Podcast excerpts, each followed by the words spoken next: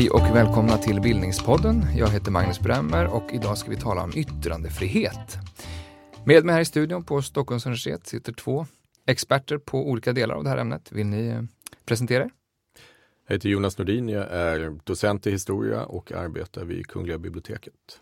Jag heter Mårten Schultz, jag är professor i civilet vid universitetet, grundare av Institutet för juridik och internet som jobbar med yttrandefrihetens gränser i digitala sammanhang och kolumnist i Svenska Dagbladet. Varmt välkommen hit. Tack. Tack. Ska vi börja med att bara säga när och var som tanken på att man skulle få säga vad som fäller in eh, liksom uppstod? Jonas? Det är en kanske överraskande modern föreställning kan man säga. Mm. Jag skulle säga att den har funnits i som mest kanske 200-300 år i, om vi talar om Europa, västerländska förhållanden. Det finns egentligen två skäl till det här. Att man inte har betraktat yttrandefrihet som en självklar rättighet i äldre tid. Eh, det ena är att människan har alltid betraktats som en samhällsvarelse så att individen har varit egentligen ointressant i ett samhälleligt sammanhang. Kollektivet har alltid gått före individen och individens rättigheter. Det andra är eh, att äldre tiders samhällsföreställningar eh, alltid var religiöst grundade. Och när du bygger ett samhällsfundament på religionen så finns det implicit åtminstone ett så att säga en absolut sanning som, som man inte kommer förbi. Mm. Eh, och så länge du har det här religiösa fundamentet då är det väldigt svårt att tänka sig också att du ska ha en, en obegränsad yttrandefrihet som eh, ja, som sträcker sig hur långt som helst. Så när skulle du datera yttrandefrihetens födelse? ja, som, som, som idé så börjar det här växa fram successivt under loppet av 1600-talet men det är en väldigt långsam process och det är ganska få uttryck för det här. Så att det är under 1700-talet som det här då egentligen får ett ordentligt genomslag. Och Sverige blir ju först i världen med att få en lagfäst tryckfrihet 1766 men det finns ju då motsvarande tankar på andra håll. Och det är egentligen ett pärlband av stater som kommer i slutet av 1700-talet och får motsvarande lagstiftning. Så att det, det är andra halvan av 1700-talet är egentligen den stora genombrottstiden. Mm. Också idag är alltså det här, men det får man inte säga i det här landet, har blivit någon slags eh, slogan, ett flitigt använt uttryck åtminstone, både uppriktigt och ironiskt. Alltså vad, eh, vad får man egentligen säga och inte säga i det här landet? Ja, nu frågar du mig i egenskap av jurist och vi har ju mm. våra egna begränsningar eh, i, i, i rättsreglerna och de, de kan ju för övrigt, det kan man väl skjuta in på en gång, vara väldigt olika slag. Men i den allmänna debatten så har väl det uttrycket, men så får man inte säga det här jävla landet längre. Det har väl framförallt kommit att förknippas med någon slags åsiktskorridor, eh, med att man blir fördömd, att man blir utestängd från sociala sammanhang, stigmatiserad i, i, på ledarplats i Aftonbladet och sådär. Eh, men om man ser det rättsligt så finns det ett antal olika regelverk som innehåller begränsningar. Vi har yttrande och tryckfriheten, särskilda regelverk som gäller egentligen för media, inte för yttrandefriheten i stort. Det kanske vi kommer tillbaka till. Vi har en väldigt starkt skydd för medierna i Sverige, men vi har inte ett väldigt starkt skydd för yttrandefriheten nödvändigtvis. Utan det är för medieföretag och för personer som kommunicerar genom eller med dem. Eh, är det här en skillnad mellan yttrande och tryckfrihet? Nej, tryck och yttrandefriheten är båda två särskilt reglerade i särskilda grundlagar. Men båda tar primärt sikte på medie, medier mm. och inte det som vi till exempel gör just nu som jag gissar inte har en ansvarig utgivare utan som faller inom det allmänna, de allmänna regelverken. Det kan bli intressant i fortsättningen. Ja precis, ja, nu när jag ska ge mig in på att börja hetsa och förtala så kan det här bli ett problem då för det får jag svara för själv då. Mm. Men eh, regelverket innehåller, alltså de rättsliga reglerna innehåller ett antal begränsningar. Då tänker man sig i första hand straffrättens regelverk, tror jag, vad man kan bli bestraffad för. Och det är ju naturligt i en liberal rättighetstradition att se straffet som den yttersta begränsningen för, eller liksom den tydligaste begränsningen av, eller inskränkningen av fri och rättigheter. Man får inte hota, man får inte eh, uttala sig på ett sätt som får andra människor att utsättas för omgivningens ogillande eller missaktning som man säger, det vill säga förtal. Det kan vara ett ofredande om man skriker allt för lång tid i ansiktet på någon. Det finns ett antal begränsningar. Om man förföljer någon så kan det vara olaga förföljelse eller som justitiedepartementet tycker vi ska kalla det för, mm. stalkning. Men förutom det här, det kan man väl säga också tydligt, så finns det massor med andra regler som innehåller begränsningar. Eh, familjerätten innehåller i praktiken begränsningar för barns yttrandefrihet. Barn mm. får till exempel inte ingå avtal med hur som helst med Facebook eller Instagram oavsett vad de här plattformarna. Det är ju en fråga som är väldigt het nu. Liksom. Mm. I praktiken så inskränker vi yttrandefriheten för barn och unga. Eh, näringsfriheten innebär vissa begränsningar i tillgången till arenor. Så det är inte bara en fråga om brott och straff eller de särskilda grundlagarna utan det är, en, det är ett, ett, eh, ett ganska komplext eh, mm. samspel mellan olika typer av regler. Fast en poäng där är ju att väldigt mycket av det som man inte får säga i det här jävla landet får man ju säga i det här jävla ja. landet. Men man blir ju då också i många gånger motsagd. Och det, det är ju den här distinktionen mellan vad du rättsligt får göra och, och, och vad, vad du så att säga kan göra utan att behöva, man förväntar sig att, du ska kunna, att man ska få säga vad som helst utan att behöva bli emotsagd. Mm. Och det, det är ju en helt annan idé, för då talar vi om ett socialt samspel och inte rättsliga, juridiska aspekter på det här. Ja, för yttrandefriheten rättsligt är ju väldigt långtgående för vuxna ja. människor. Ja. Så är det ju. Ja. Mm. Vad, vad, skulle ni säga, för att få ett direkt historiskt perspektiv på det Martin just sa, vad, vad, hur, hur hur, hur, hur liksom drastiskt har frågan om yttrandefrihet förändrats av dagens medlemskap, skulle du säga? Jonas? Eh, det, kvalitativt skulle jag inte säga att den har förändrats så mycket, men kvantitativt har den ju förändrats Hur menar du då? Egentligen väldigt mycket av det som vi uppfattar som avarter i dagens debattklimat. Eh, allt ingenting av det här är ju nytt till sitt innehåll. Vi har sett det här förr, det går många hundra år tillbaka i tiden. Eh, förtal och eh, ärekränkningar och allt vad det nu kan vara. Men däremot så har vi ju numera tekniska möjligheter att faktiskt, jag menar förut så, så skedde den här typen av påhopp eller kränkningar, det skedde det ju i små slutna sammanhang. Det är ju spridningseffekten som är det nya i det här. Mm. Eh, och det är ju överhuvudtaget så, om man säger traditionellt sett när man har historiskt när man har reglerat de här frågorna så är det ju, om man skulle skilja då mellan yttrandefrihet och tryckfrihet och den, den skillnaden mellan dem det är ju just spridningseffekten. Att tryckta medier har ju då historiskt varit ett effektivare sätt att, att sprida en uppfattning, en åsikt än om du yttrar någonting. Och det där kan man också se eh, hur domstolarna historiskt har bedömt eh, olika typer av yttranden som i sig då kan ha uppfattats som olagliga men de de eh, bedöms strängare då om de har spritts i tryckt form som har en större spridningseffekt än om de bara har yttrats i ett slutet sammanhang. Mm. Så att Den här kontrollen av yttrandefriheten i, i det förflutna har egentligen väldigt sällan varit en fråga om åsiktskontroll utan det har handlat om, det har varit en samhällelig skyddsme, skyddsmekanism så att säga.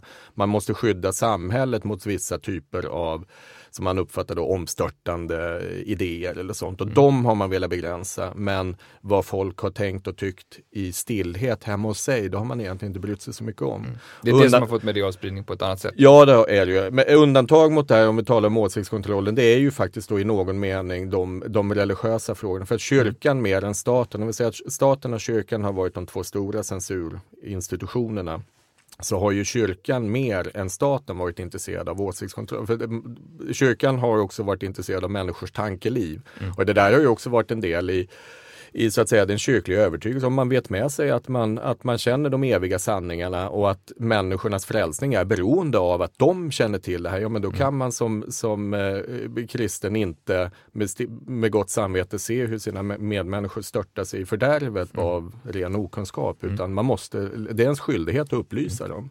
Vad säger du Mårten? Det var ju så sjukt många intressanta frågor på en gång. Så bara, det bara bubblar liksom. Jag, men jag tycker vi, vi, vi, vi rör ju vid kanske en fundamental sak som man bara kan slänga in i samtalet nu, som du är inne på Jonas också, det här med samspelet mellan olika fri och rättigheter som dessutom gör sig gällande på, i flera olika lag eller flera olika nivåer kanske. Vi har yttrandefriheten som någon slags bas som ju kan tillåtas innefatta även religiösa uttryck som ju i vissa eh, rättighetssammanhang kanaliseras genom en speciell regel eller norm om religionsfrihet men som inte måste göra det. Utan det, det kan, tryckfriheten kan ju också subsumeras till yttrandefriheten. Så att tryckfriheten, Hur menar du då?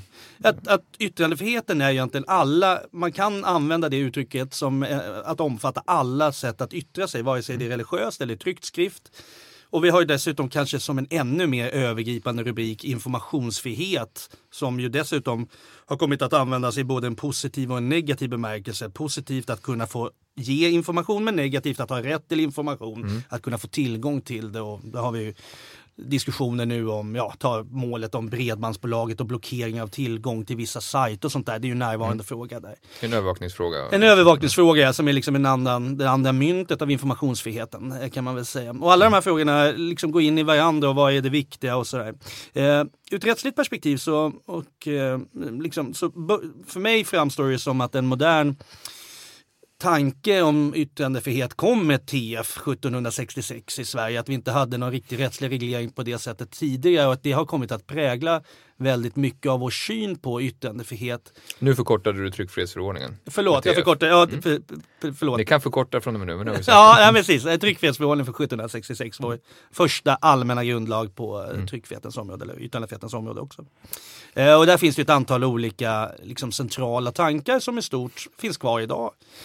En aspekt av det här som jag tycker är intressant är ju det att tryck och yttrandefrihetssystemet, det särskilda grundlagsskyddet som man har för tryck och yttrandefriheten kretsar ju kring, eller är centrerat kring ett skydd för publicistik egentligen då, för medier eller för mediala uttryck.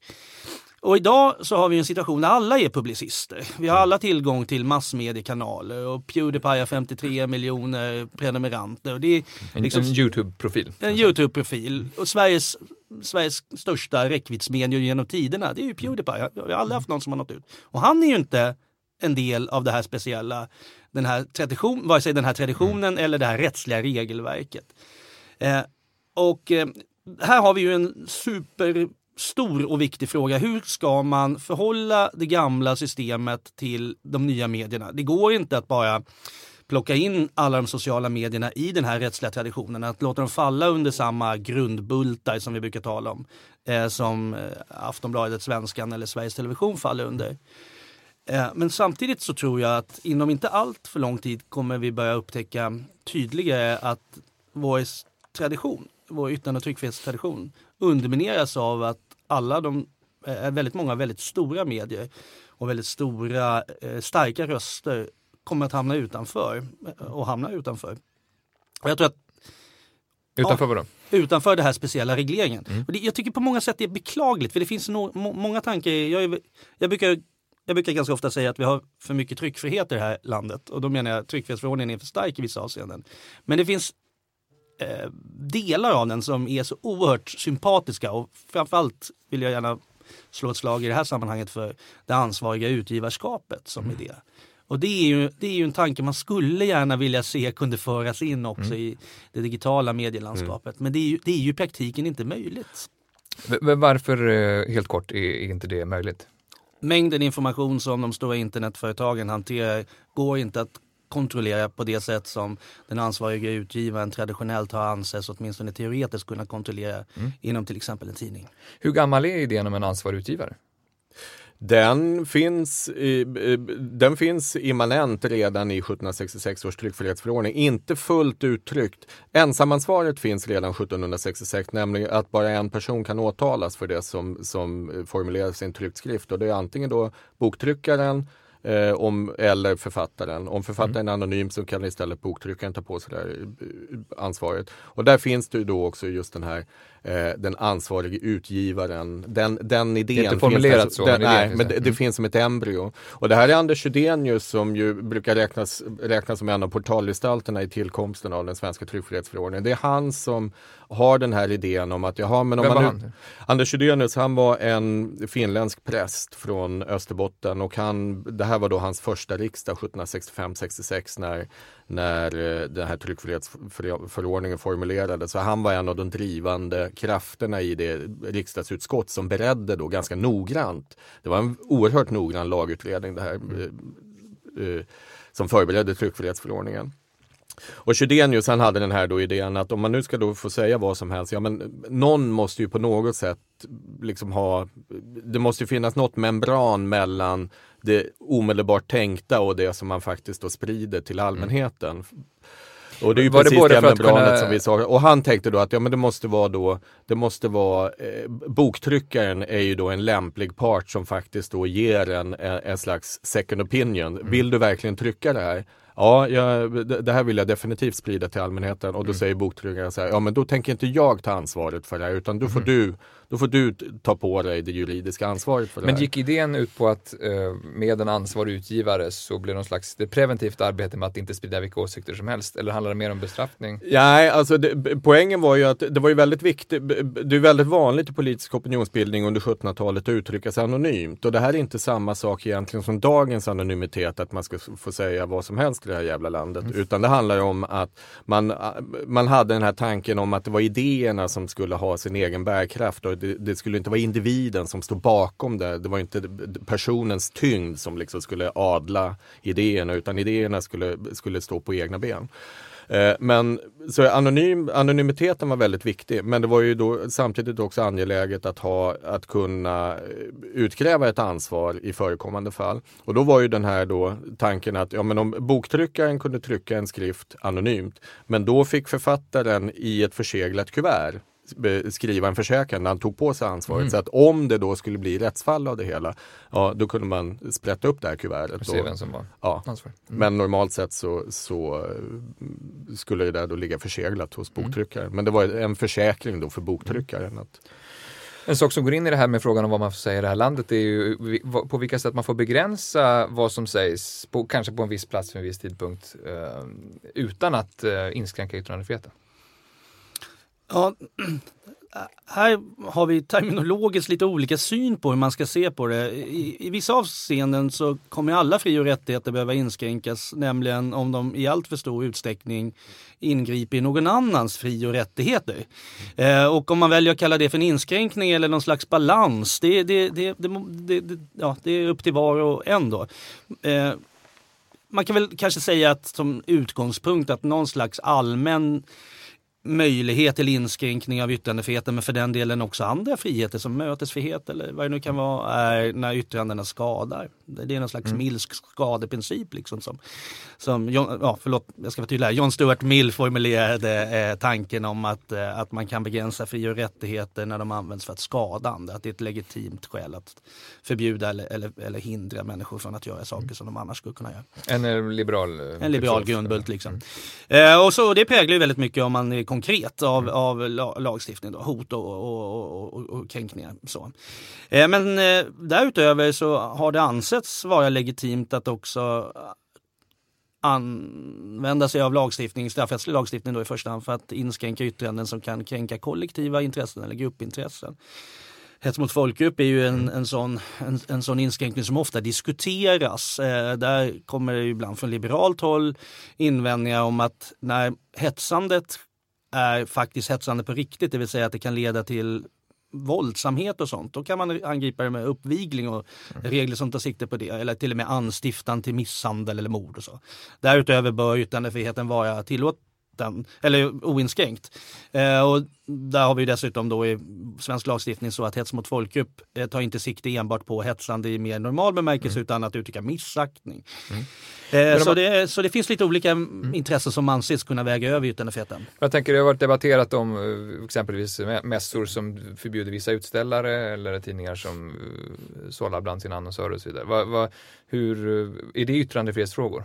Alltså för mig är det väldigt enkelt. My house, my rules. Yttrandefriheten ger inte dig rätt att skriva någonting på mitt, min, mitt Facebook-konto, alltså i mitt namn eller på mitt Twitter-konto i mitt namn. Utan var och en som har en kommunikationskanal eller ett ställe att samtala vid eller så har rätt att som utgångspunkt bestämma vad som ska förrymmas inom det. Och sen så har vi begränsningar i diskrimineringsrätten och sånt i vissa sammanhang. Men, men som utgångspunkt är det så. Yttrandefriheten är ju, liksom andra fri och rättigheter, i första hand till för att eh, reglera eh, relationen mellan överheten och den mm. underlägsne, mellan det allmänna och enskilda människor eller företag. Så det här det är en fråga om privata aktörer så är det eh, mitt hus och mina regler som du säger? Men, som utgångspunkt ja. i alla fall. Men när det gäller då, då eh, mötesfrihet eller demonstrationsrätt och sånt här? Eh, i offentliga miljöer, då blir det mer en fråga om yttrandefrihet. Ja precis, mm. då, då, blir det en annan fråga för då är det ju tillgången till det offentliga rummet och det, är mm. ju, det hör ju i någon mening till oss alla. Mm. Innan vi går ännu längre bak i historien för att försöka nysta i hur allting började, vad, kan man säga något generellt om, om uh, vad egentligen skillnaden mellan yttrandefrihet och tryckfrihet är? Vi har varit inne lite på det men jag skulle säga att den stora skillnaden är, är mediet, spridningseffekten. Mm. Uh, det, det, finns, man kan se det finns en intressant historia så kan man se hur man har bedömt det här. Spridningseffekten av tryckta medier är ju beroende av en, en annan sak, nämligen läskunnighet. Är folk inte läskunniga, ja men då är, har, är spridningseffekten av tryckta medier ganska låg. Mm. Eh, är de tvärtom, är det en hög läskunnighet, ja men då blir den väsentligt mycket större än vad det talade ordet blir. Där kan man se hur man har, eh, hur man har eh, resonerat rättsligt i olika stater vid olika tider. Så att till exempel när det gällde eh, upproriska uttalanden eller omstörtande uttalanden så bedömdes de hårdare i, i Ryssland under 1600-1700-talet om de uttalades muntligt mm. än om de spreds i skrift. För att läskunnigheten i Ryssland var så låg mm. så att det ansågs mer, mer omstörtande om det stod på, på, torg. på, på torget och skrek ut någonting. Mm. I England var det precis tvärtom. Där var, var straffsatserna högre om det spred omstörtande tankar i skrift än om du uttalade dem verbalt. Mm. För att mm. spridningseffekten, läskunnigheten var relativt hög i England.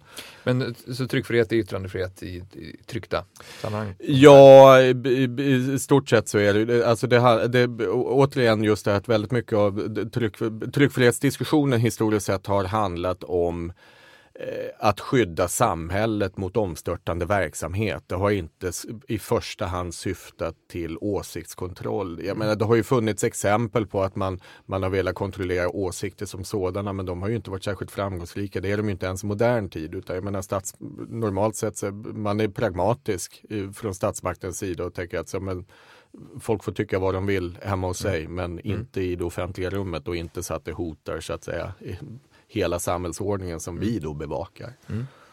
Om man ska försöka gå ännu längre bak i, i, i historien, liksom, var, var, ska man spåra en början på, på den här typen av diskussion kring vad man får yttra utan att, bestraffas?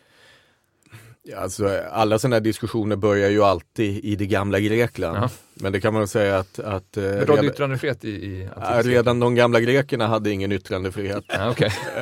och det där, om man säger så här, det där är väl då en eh, en omdiskuterad fråga bland forskare. Beroende på vem, vilken forskare du frågar så får du olika svar.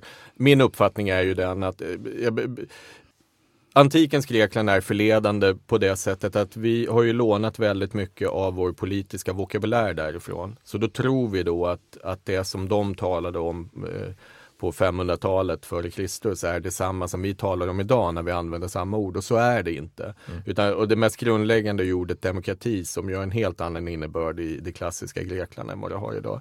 Framförallt så handlar ju demokrati, jag tror att de flesta av oss idag förknippar demokrati, då tänker vi på rättigheter, olika typer av rättigheter som vi har som medborgare och som ska garanteras av staten. I antikens Grekland så är det tvärtom, demokratin handlar lika mycket, om inte mer, om skyldigheter. Alltså det är plikter gentemot staten. En medborgare har plikter gentemot staten som på många sätt, de kan jämställas med en form av civil försvarsplikt. Från början var ju medborgarskapet kopplat till den militära försvarsförmågan. Att de som bar vapen och försvarade staten, ja men de skulle också då ha inflytande över statsapparaten. Mm. Och då blir också det här medborgarskapet blir en form av civil försvarsplikt. Mm. Man ska komma ihåg att det här är slavsamhällen. Mm. Det är alltså högt räknat så kan det vara en tredjedel av de manliga invånarna i en stat som är medborgare. Sen är det slavar och det är utlänningar och en mängd rättslösa personer som omger de här. Den här lilla hotade gruppen, alltså de måste ju hålla ihop för att de inte ska utplånas av mm. de här slavarna och vilka det nu är som omger dem. Eh, och om vi, om vi betänker den då grundläggande skillnaden, om vi skulle se ett sånt här samhälle där en tredjedel av samhällsindividerna topprider två mm. tredjedelar av de övriga, plus kvinnorna, alltså det, det, är en försvinnande liten minoritet. Och jag skulle i, i sådana fall hellre jämställa, alltså medborgarskapet är en form av, det är att jämställa med senare tiders adelskap. Mm. Alltså det är en adel med vissa privilegier, de har tillgång till till, det, de politiska, till politiska fora och till politiska rättigheter. Men om vi tar apropå rättigheter då, hur, hur, nära hänger yttrandefriheten ihop med idén om mänskliga rättigheter? Eh, jag skulle säga att de mänskliga rättigheterna föregår i, i tanken om yttrandefrihet. Det, idag så är, är, tror jag allmänt sett i västvärlden så betraktar vi kanske yttrandefriheten som det mest grundläggande av de mänskliga rättigheterna. Utan den kan inga av de andra rättigheterna fungera. Mm. Och intressant nog så är, är, den idén kanske den sista egentligen som slår igenom när, man bör, när hela den här idén om mänskliga rättigheter börjar växa fram. För då är sånt som rättssäkerhet och äganderätt och, och sådana saker väsentligt mycket eh, viktigare än, än äh, rätten att få fritt uttrycka sina mm. åsikter kring mm. ett självvalt ämne. Det är en av de saker som stör mig mest i den svenska yttrandefrihetsdiskussionen, att man sätter yttrandefriheten och, och tryckfriheten på en piedestal. Att det skulle vara någon slags finare rättighet än rätten till liv. Mm, för, mm, för att ta något mm, mer, mer fundamentalt. Mm. Eller kanske beroende på vilken diskurs man är inom eh, mm. rätten till mänsklig värdighet. Mm. Eh, om man tar Europakonventionen som ju är den rättighetskatalog som ju har störst praktisk påverkan på det praktiska rättslivet som tillkom efter kriget och efter erfarenheten av förintelsen och så. Då kommer ju yttrandefriheten till och med efter till exempel privatlivs och familjelivsskyddet om man ser. Nu är det ju inte någon strikt uppställning så men den börjar ju ändå med rätten till liv och sen rätten att slippa tortyr och sådär. Mm. Och, och, så, och så landar den så småningom i tilläggsprotokoll i egendomsskyddet. Mm. Så att det, eh, det, det, där stör mig. Det, eh, men, men så har det ju verkligen blivit och i många diskussioner så pratar man om yttrandefriheten som en, som en isolerad företeelse och liksom glömmer bort att, eh, eh, att, att den hela tiden i alla sammanhang, i alla intressanta sammanhang mm. måste vägas mot, mot andra rättigheter och friheter. Mm. Mm. Ska man komma ihåg också att Europakonventionen medger ju också ganska eh, långtgående inskränkningar i yttrandefriheten. Den är ju inte absolut på något sätt utan man säger att det, det, det viktiga med, med inskränkningarna i yttrandefriheten är att de måste vara definierade i allmän lag så att man vet var gränserna går och, och att, att det finns en, en, en tydlighet i eh, mm. yttrandefrihetslagstiftningen. Kan du ge ett exempel på, vad, på, på de här intressanta fallen där yttrandefriheten måste vägas mot någonting annat? Bara så får det lite konkret. Ja, det är lite svårt att säga för det beror lite på mm, typiskt juristiskt vagt svar då. Men det är ju så att det ytter, man kan väl börja så här i den här ändan då att vi har fyra stycken grundlagar i Sverige eh, och två av dem handlar egentligen bara om yttrandefrihet. Eh, tryckfrihetsförordningen som har anor från 1766 och yttrandefrihetsgrundlagen som ju är en slags modern påbyggnad på tryckfrihetsförordningen för nyare medier, eh, etermedier och i viss mån internet och, och radio. Eh, och sen så har vi, vi har ingen motsvarighet, vi har ingen sådana särskilt grundlagsskydd för egendomsrätten, föreningsfriheten eller rätten till privatliv eller integritetsskydd och så. Där har vi lite svaga regler i regeringsformens andra kapitel, alltså vår stora grundlag. Så vi har en skev situation får man nog säga från början och det präglar sen eh, mer, alltså rättsliga frågor mer i ytskiktet så att säga, inte på den här djupa normativa mm. nivån. Men vad har vi, vad, vad har vi för avvägningar? Jag, jag, integritetsskyddet i svensk rätt är, är välkänt för svagt i bemärkelsen att det inte når upp till de, de krav som Europakonventionen ställer och som eh, och vissa av de krav som Europakonventionen ställer tror jag är allmänt, vi uppfattar allmänt det som rimligt. Utan det har skett på, det har integritetsskyddet av historiska skäl kommit att offras på tryckfrihetsförordningens altare så att säga. Eh, eh, ett exempel för att ta för några år sedan, nu har det rättats till, men det är det senaste fallet där Sverige fälldes i Europadomstolen i stor kammare, det vill säga hela alla domarna var med och dömde. Det var en eh, styvpappa som hade låtit filma sin 13-åriga styvdotter i duschen. Han hade lämnat en videokamera eller någon form av kamera där han filmade henne. Det här kallas för Södermalmålet. Och hon hade inga rättsliga verktyg för att angripa det här agerandet. Det var inte otillåtet då. Nu har det ändrats just för den här situationen. Men det finns många andra liknande situationer där det fortfarande är tillåtet att fotografera och filma människor i extremt intima situationer eller väldigt känsliga situationer. Till exempel någon som är väldigt svårt sjuk eller någon som misshandlas. Det får man både man får både göra en, en, bildupptagning men man får också ofta sprida de här bilderna som, på, där människor befinner sig i väldigt, väldigt mm. utsatta situationer. Och det är, det är vad jag tycker är, är en, fel, det är en fel, felkalibrering i systemet. Mm. Delvis håller man på att försöka justera det här lagstiftningsvis. Hur också, visst är det en skillnad mellan om man skulle, eh, för ljudupptagningar och liknande, att det är en skillnad att avlyssna två, ett samtal när man inte själv är en del? Ja, det är det. Just när det gäller ljudavlyssning så om jag skulle lämna en mikrofon i ditt eh, arbetsrum och sen gå därifrån och sen hämta den senare, band, ja, mobiltelefon mm. kanske, som, mm. så det, skulle det vara otillåtet. Däremot om jag spelar in ett samtal mellan dig och mig så är det okej. Okay. Utan att jag känner till det? Ja. Mm. Och det, det, har jag inga problem med själv, egen del rent privat moraliskt att det är så. Den Och, och man får också sprida det? Ja, det får man eh, som utgångspunkt. Sen finns det inskränkningar över sig även, mm. det beror på innehållet. Det beror på hur jag reagerar? Nej, det beror inte på. Det beror på hur om, bland annat hur omgivningen reagerar på det du säger. Mm. Dina egna ord kan ju ibland vändas mot dig så att, och då kan det vara förtal att sprida dina egna ord på ett sätt som får dig att framstå som en sämre person. Mm. Det är ganska komplicerat, men så är det. Mm. Ja. Um, ja, vi får ta det här privat sen. Eh. men jag måste bara säga att när Uppdrag granskning då har en filmkamera i väskan, då får de inte lämna rummet, för då blir det genast. Um, men uh, så länge de sitter, har sitter bredvid väskan så är det okej. Nej, det är speciellt Ja. eh, i och med att det är inom TF-systemet och anskaffarfriheten. Ja, ja, Så att, eh, Så de kan även gå ut ur rummet. Ja, Ja. det kan det vara. Och hänvisa till allmänintresse och sådana saker. För Ja, eh, eller, eller mer den, den grundläggande anskaffarfriheten i, i yttrandefrihetsgrundlagen. ja det är publiceringarna som... Ja. Ja. Eh, eh, om vi fortsätter eh, liksom den historiska linjen parallellt med den här diskussionen då. Vad, boktryckarkonsten, apropå medier. Mm. Vilken, vilken påverkan fick det på alla de här frågorna?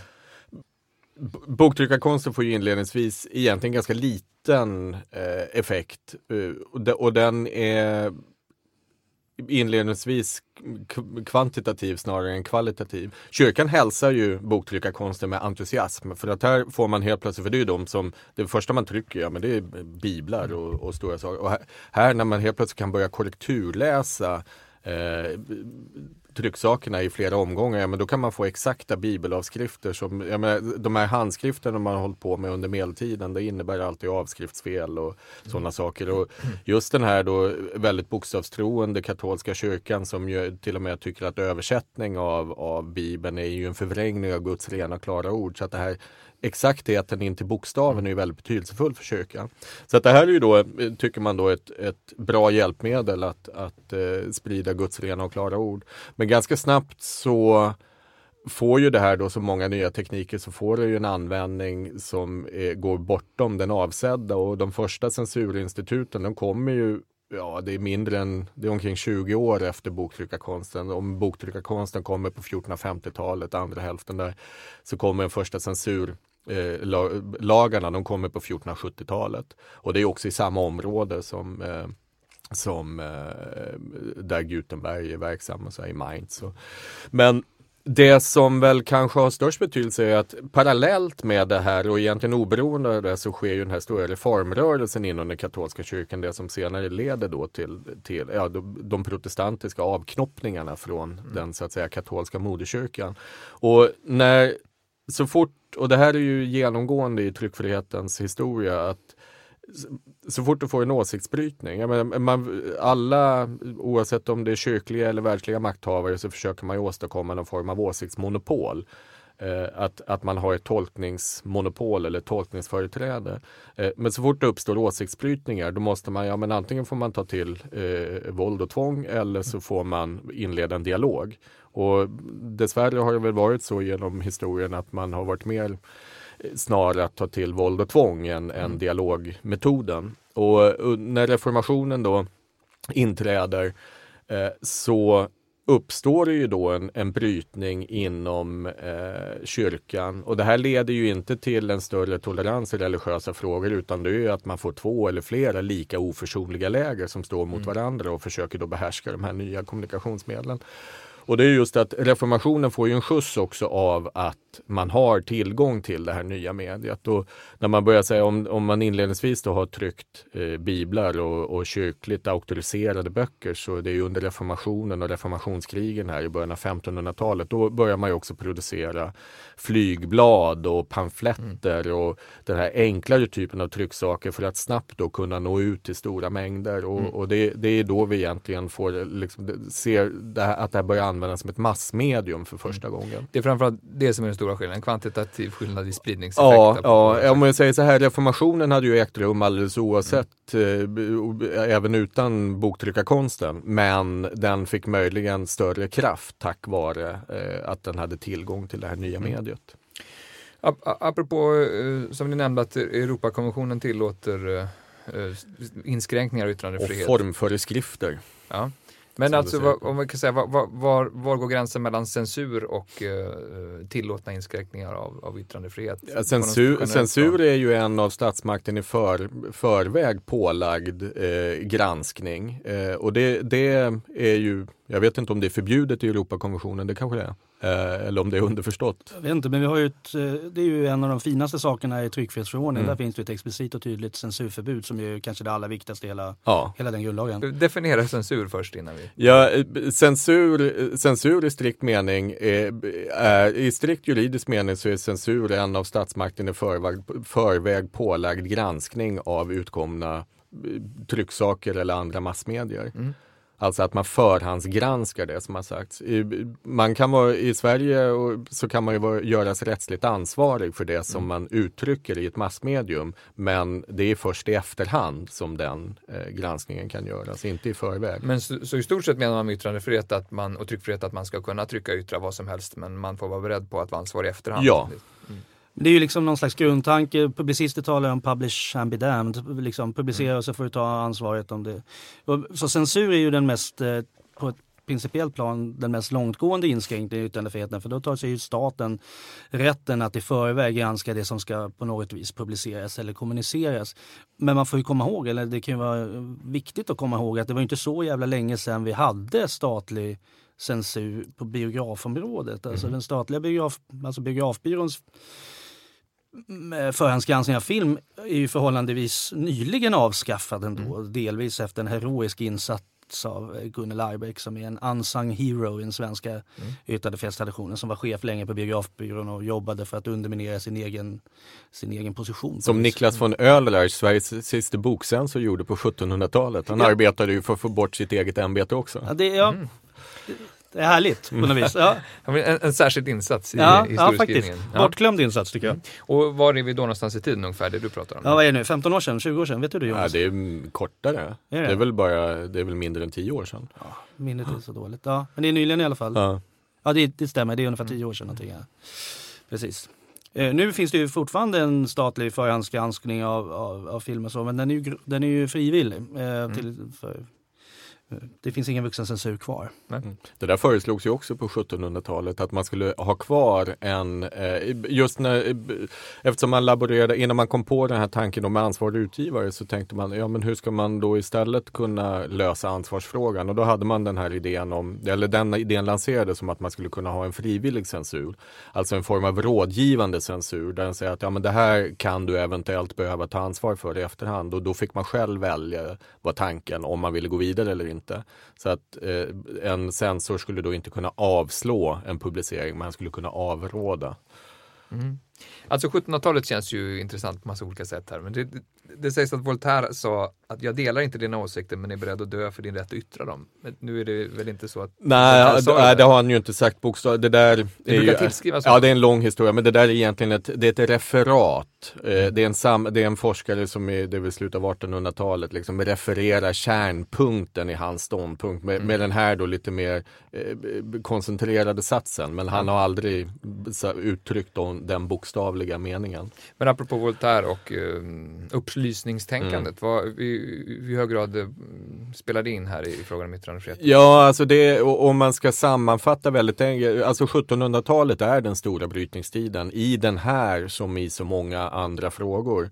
Alltså gränsen mellan det förmoderna och det moderna eh, Europa, det går under 1700-talet. Det är där egentligen alla de här stora tankarna eh, eh, föds. Eller de börjar nå en så pass stor kritisk massa att de börjar bli betydelsefulla.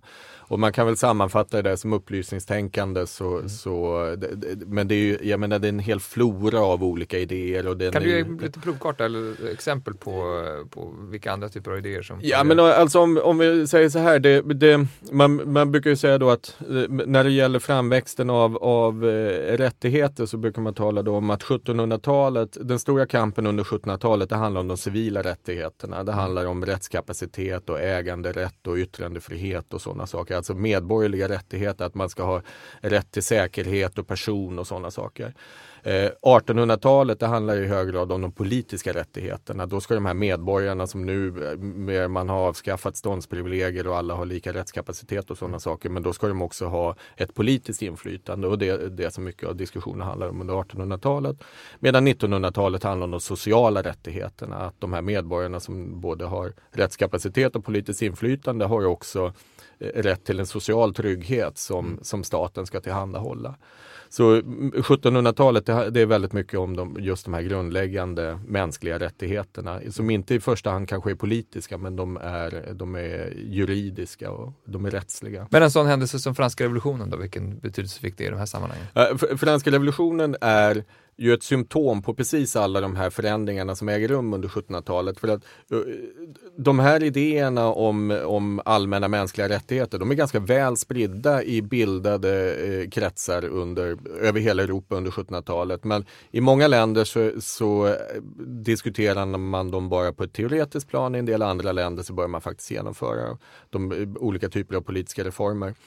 Den franska revolutionen är, visar, man brukar ibland då traditionellt säga att många av de här idéerna föds i och med den franska revolutionen. I själva verket så är det tvärtom att det, det, det liberala genombrottet skulle jag säga, det fördröjs kanske två eller tre generationer mm. på grund av den franska revolutionen. För att här helt plötsligt, den franska staten, till skillnad från många andra europeiska länder, så den franska staten har varit totalt oförmögen att förnya sig själv. Det finns ingen som helst reformsträvan i den här staten och till slut är revolutionen det enda återstående alternativet samhället. Eh, och då när man i omvärlden börjar se vad de här nya liberala idéerna kan leda till i sin förlängning, ja men då drar folk öronen åt sig och då sätter reaktionen in.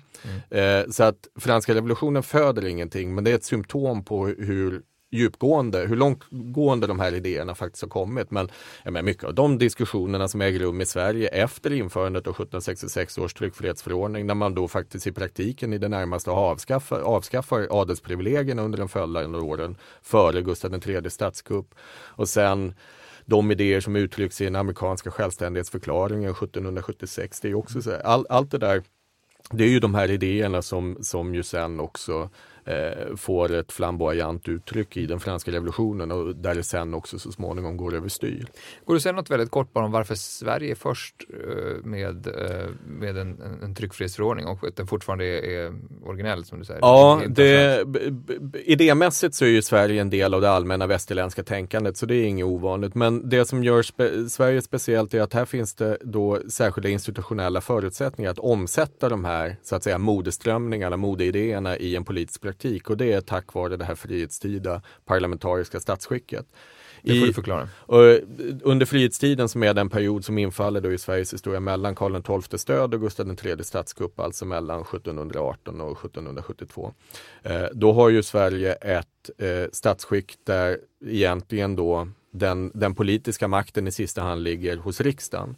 Och på riksdagen så finns det konkurrerande partier och de här partierna de eh, måste gå i dialog med varandra. De slår inte varandra i huvudet utan de måste så småningom åtminstone tvingas de till att gå i dialog med varandra och redan här då så uppstår en form av av en, en kompromissvilja över, uppstår liksom av nödtvång mm. och i det eh, samhällsklimatet så finns det också möjlighet, då, då, då, har man behov helt enkelt. Man har ett partiväsen och då måste man också ha en fri debatt mm. som gör att de här politiska partierna kan bedriva politisk opinionsbildning. Och då är tryckfrihetsförordningen närmast en förutsättning för att det här politiska systemet ska kunna fortleva. Mm. Men var det inte också en, du får rätta mig om jag har fel här Jonas, men var det fast inte också en, en vilja att eh, befästa den maktförskjutning som hade skett genom att eh, partierna ville liksom vinnlägga sig om att kunna fortsätta vara kritiska mot mot kungahuset och sånt? Ja, framförallt är det riktat mot, mot partierna för att kunga, kungamakten har blivit en allt mer perifer politi ja, mm. politisk eh, aktör i det här sammanhanget. Det som däremot är betydelsefullt vid den här riksdagen 1765-66 är att då då sker det för första gången på ett kvartssekel så sker ett regeringsskifte. Det är två politiska partier, hattar och mössor. Och hattarna har regerat då i 25 års tid och nu helt plötsligt så kommer mössorna att få ta över regeringsmakten. Och de har inte kunnat bedriva vettig op eh, oppositionspolitik under eh, när de har varit i opposition därför att de har utestängts från insyn i centrala statshandlingar. Eh, hattarna har kunnat bedriva partipolitik genom, genom kollegorna, alltså genom myndigheterna därför att de har haft, haft bestämt över utnämningspolitiken och sådana saker. Och det är av det här skälet, när, när att de har utestängts, oppositionen har utestängts från insyn i statsapparaten, det är det som gör att offentlighetsprincipen också blir en så viktig del av den här tryckfrihetsförordningen.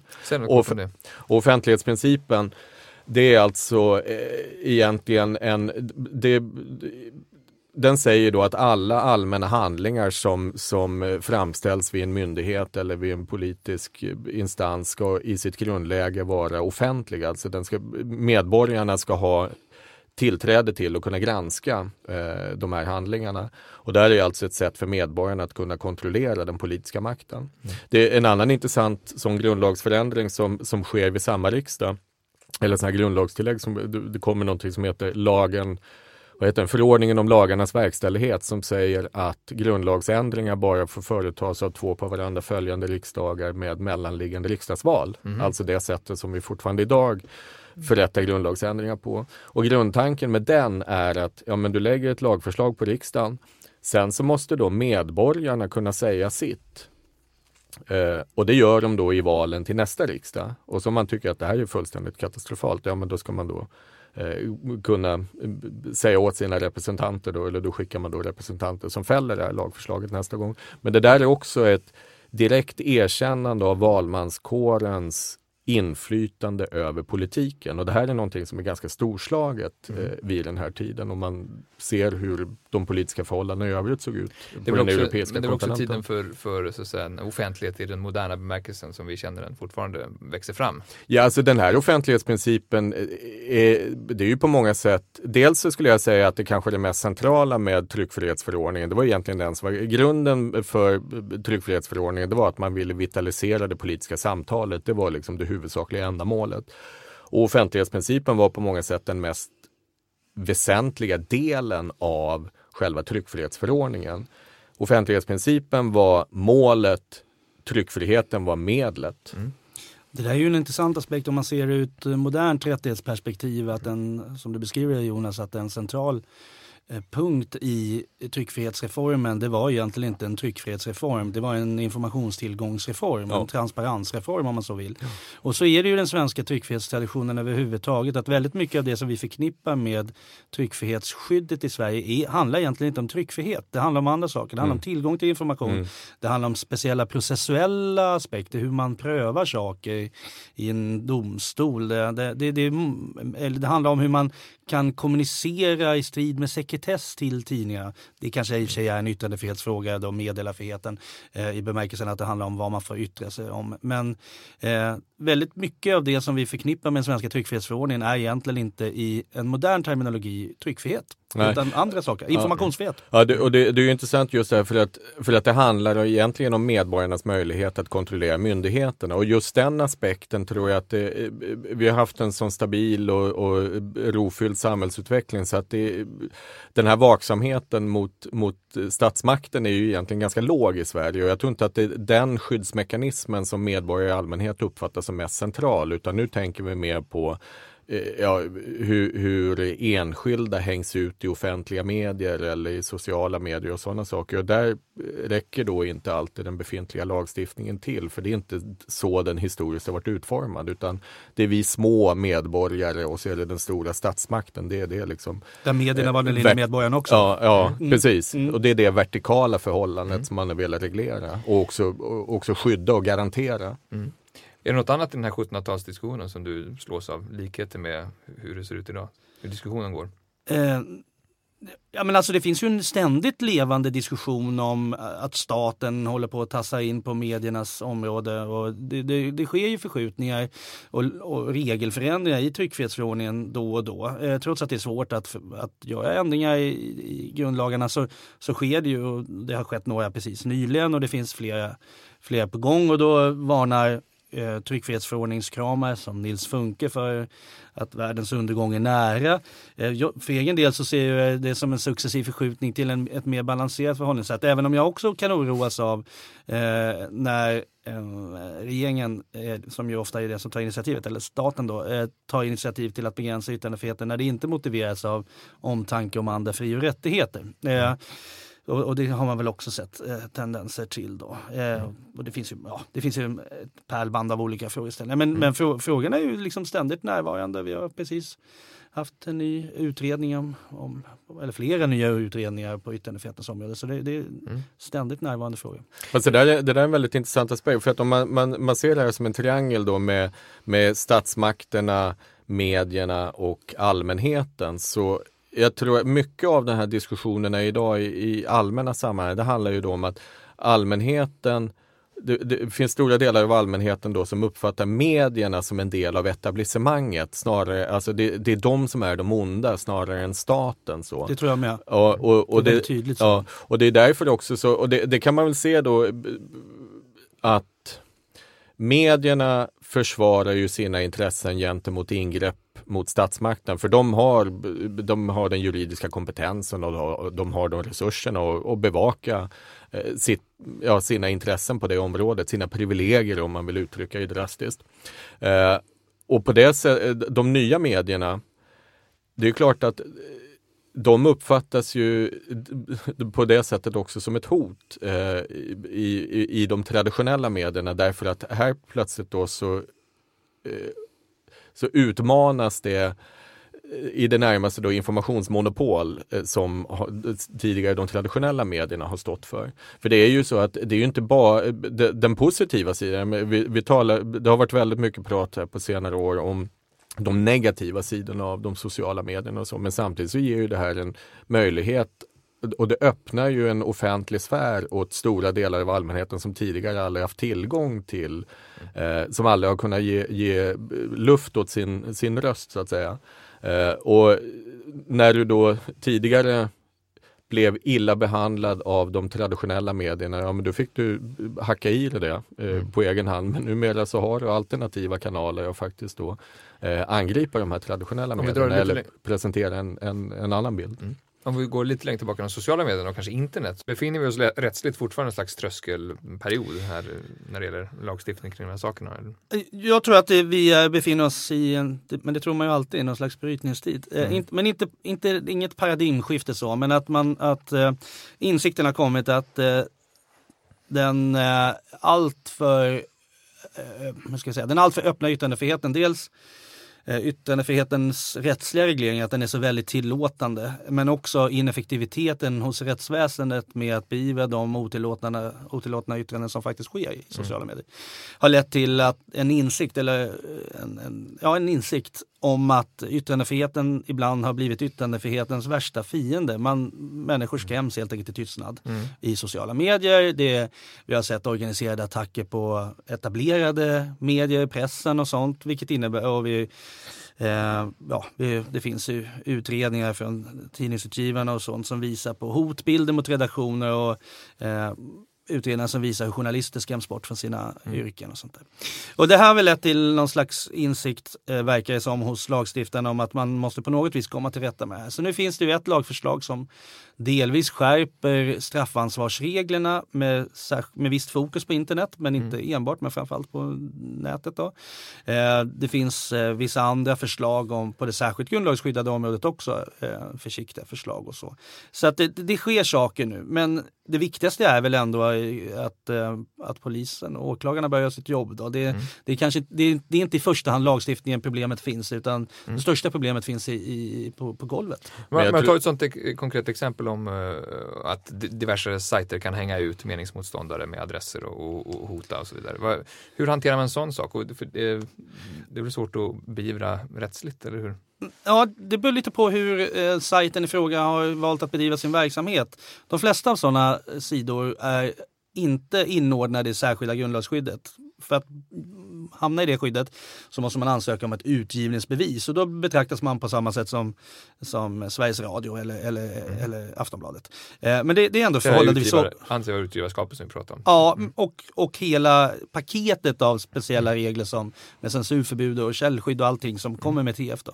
Men det är förhållandevis ovanligt och då finns det, om man in, utanför yttrandefrihetsgrundlagens särskilda skydd. Då finns det begränsningar i hur man får använda sig av personuppgifter och det, mm. de följer av, av, av, av EU-rätten och de kommer skärpas ytterligare nu efter nästa år. Så att det, det finns ganska långtgående inskränkningar i hur man får hantera personuppgifter. Om man däremot väljer, som en del även av vad man kan kalla för ytterlighetspressen har gjort, eh, att inordna sig i det här särskilda yttrandefrihetsskyddet, då är skyddet för personuppgifterna mycket, mycket sämre för den som hanteras. Så, så Aftonbladet, men också en sida som Avpixla till exempel, som ju hör till högerfalangen på nätet, de har också valt att inordna sig i det här systemet och då har man eh, ett, vad man ibland kallar för ett journalistundantag för personuppgiftsskyddet. Då kan man, då kan man i ganska stor utsträckning skriva namn, adress, eh, och uttala sig om, om olika saker som rör till mm. exempel en person. Har, har, har, har alltså, traditionella dagstidningar arbetat annorlunda på de här områdena eh, på senare år? Ja, det som, det som skiljer de nya medierna, även de som har valt att inordna sig i det särskilda grundlagsskyddet och de traditionella medierna är ju framförallt pressetiken. Mm. Att det finns en organiserad eh, pressetik eh, som, eh, ja, ja, eller medietik, men det, men det är pressetiken som kanske är mest intressant i sammanhanget med särskilda organ som eh, kan bedöma om övergrepp har skett och det finns särskilda regler. Jag var själv en, satt själv i Pressens opinionsnämnd i några år tidigare. Och eh, där är det ju så att det, det, ska jag ändå säga att pressen tar ju det här regelverket på väldigt stort allvar. Sen sker det ju övertramp. Det, det gör det ju i alla sammanhang. Eh, jag, mitt eget intryck är att pressetiken överlag fungerar förhållandevis väl som, en, som ett remedium eh, mot kränkningar. Men det hjälper inte nödvändigtvis den enskilde. Det kanske präglar pressens agerande, det vill säga att man vill inte bli fälld som ansvarig utgivare i Pressens opinionsnämnd. Mm. Däremot så hjälper inte det nödvändigtvis den som kanske har blivit uthängd av en tidning. Man kanske inte blir så himla mycket lyckligare av att Expressen gör en rättelse på mm. sidan två där man säger att det var onödigt att peka ut Persbrandt som som missbrukare för att ta ett väldigt känt förtalsmål mm. där Expressen fälldes. Mm. Så att, men, eh, men det är väl den, den avgörande skillnaden, pressetiken som tas, tror jag, på minst lika stort allvar nu som för 20 mm. år sedan, 30 år sedan. Högaktuell och eh, brännhet fråga med lång historia har vi fått lära oss idag. Eh, komplex historia också. Eh, men vår tid är slut. Eh, tusen tack Jonas Nordin, Mårten Schultz. Tack för att jag fick komma hit. Mm. Tack för att ni har lyssnat. Gå in på bildningspodden.se och lyssna på tidigare avsnitt så är vi tillbaka om en vecka igen. Du har lyssnat på Bildningspodden, en podcast från humanistiska fakulteten vid Stockholms universitet. Producerad av Magnus Bremmer och Claes Ekman. Podden spelas in på Språkstudion och tekniker är Henrik Nordgren.